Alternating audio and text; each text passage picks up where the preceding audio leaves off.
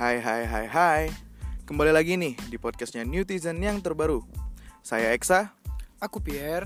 Aku Meta. Nah, kalau podcast sebelumnya itu kita ngebahas tentang pengalaman kurang mengenakan teman-teman sekalian Kali ini kita bakal ngasih tahu apa aja sih tips bijak bersosmed. Kali aja nih bisa ngebantu teman-teman sekalian untuk menjadi lebih bijak bersosial media Oke oke, langsung aja nih ya masuk ke tips-tips bijak bersosial media. Apa aja nih Pierre yang kita punya? Oke, Matt. Jadi nih, hari ini aku bakal sharing beberapa hal lah ya, tips-tipsnya. Yang pertama itu kita tuh harus berhati-hati ketika kita mau nge-share informasi pribadi seperti nama lengkap, alamat kita, atau nomor HP kita, ataupun mungkin informasi-informasi pribadi lainnya ke publik atau ke pihak-pihak tertentu.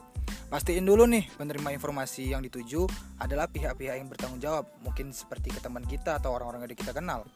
Yang kedua itu selalu menggunakan etika atau norma saat berinteraksi dengan siapa pun di media sosial. Meskipun tidak saling mengenal karena apa pun yang akan diposting di media sosial dapat dilihat oleh publik atau orang-orang lain. Yang ketiga itu ada melihat dan mengenali. Siapa saja nih pengikut atau teman di media sosial kamu?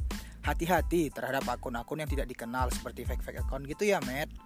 Em, karena nggak ada jaminan loh akun-akun kayak gitu tuh adalah akun yang bertanggung jawab bisa jadi dia bisa balik nge-head kita ya nggak sah Yoi ma bro Oke, selanjutnya nih yang keempat tuh ada kita tuh harus memastikan apa pun yang kita posting di akun media sosial adalah postingan yang tidak mengandung unsur sara. Bahaya loh itu unsur sara.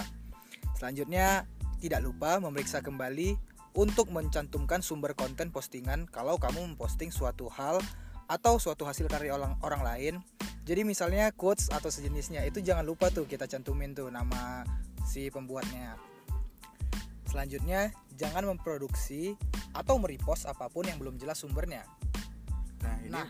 ini biasanya sering di grup keluarga sini Iya, main lang- langsung share-share aja ya kan. Apalagi mama-mama ya kan nerima info-info dari grup-grup sepermama-mamaannya ya kan tanpa pikir panjang. Nah kalau misalnya kita nih bilang Ma itu hoax gitu Anak durhaka katanya Nah, iya. Ini dapat dari teman mama, nih valid no debat. Aduh. Kamu tahu apa?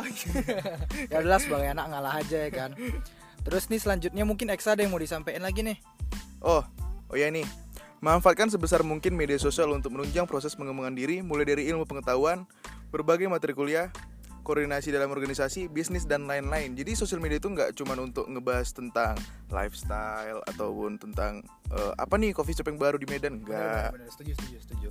Nah, ada juga gunakan sebesar-besarnya media sosial untuk menunjang produktivitas kamu seperti mengerjakan tugas, skripsi, pekerjaan, hasil karya dan lain sebagainya.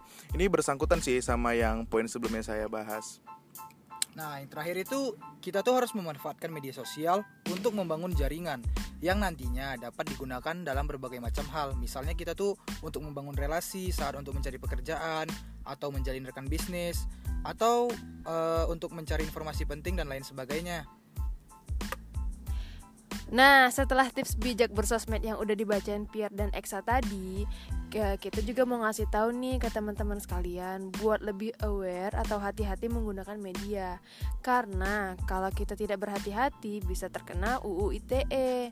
Nah, pasal-pasalnya apa aja sih, Per? Nah, iya bener tuh, Matt. Kalau kita nggak berhati-hati, memang kita bisa terjerat loh dengan pasal-pasal UU ITE.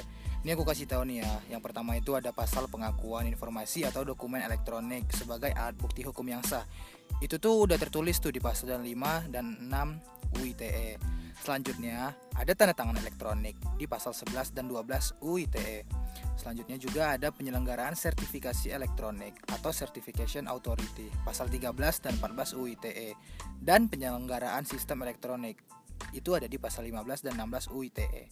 Terus-terus apalagi, Matt? Nah, selanjutnya ada juga perbuatan yang dilarang atau cybercrimes.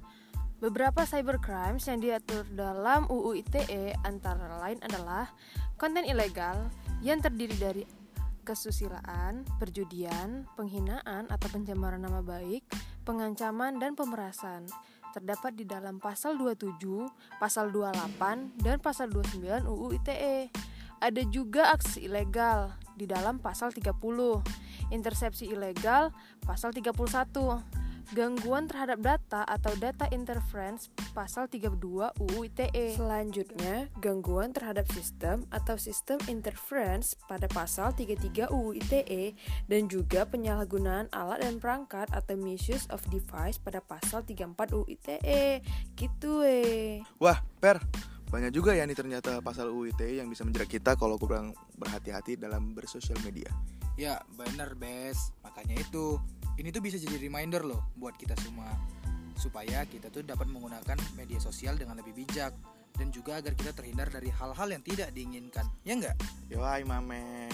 Oke nih, sekian podcast kita hari ini tentang tips bijak bersosial media. Dan juga UU ITE. Bye, Bye. Netizen Bijak bersosmed. Bersosial media. Sosmed Udah sama aja lah Sosmed Oke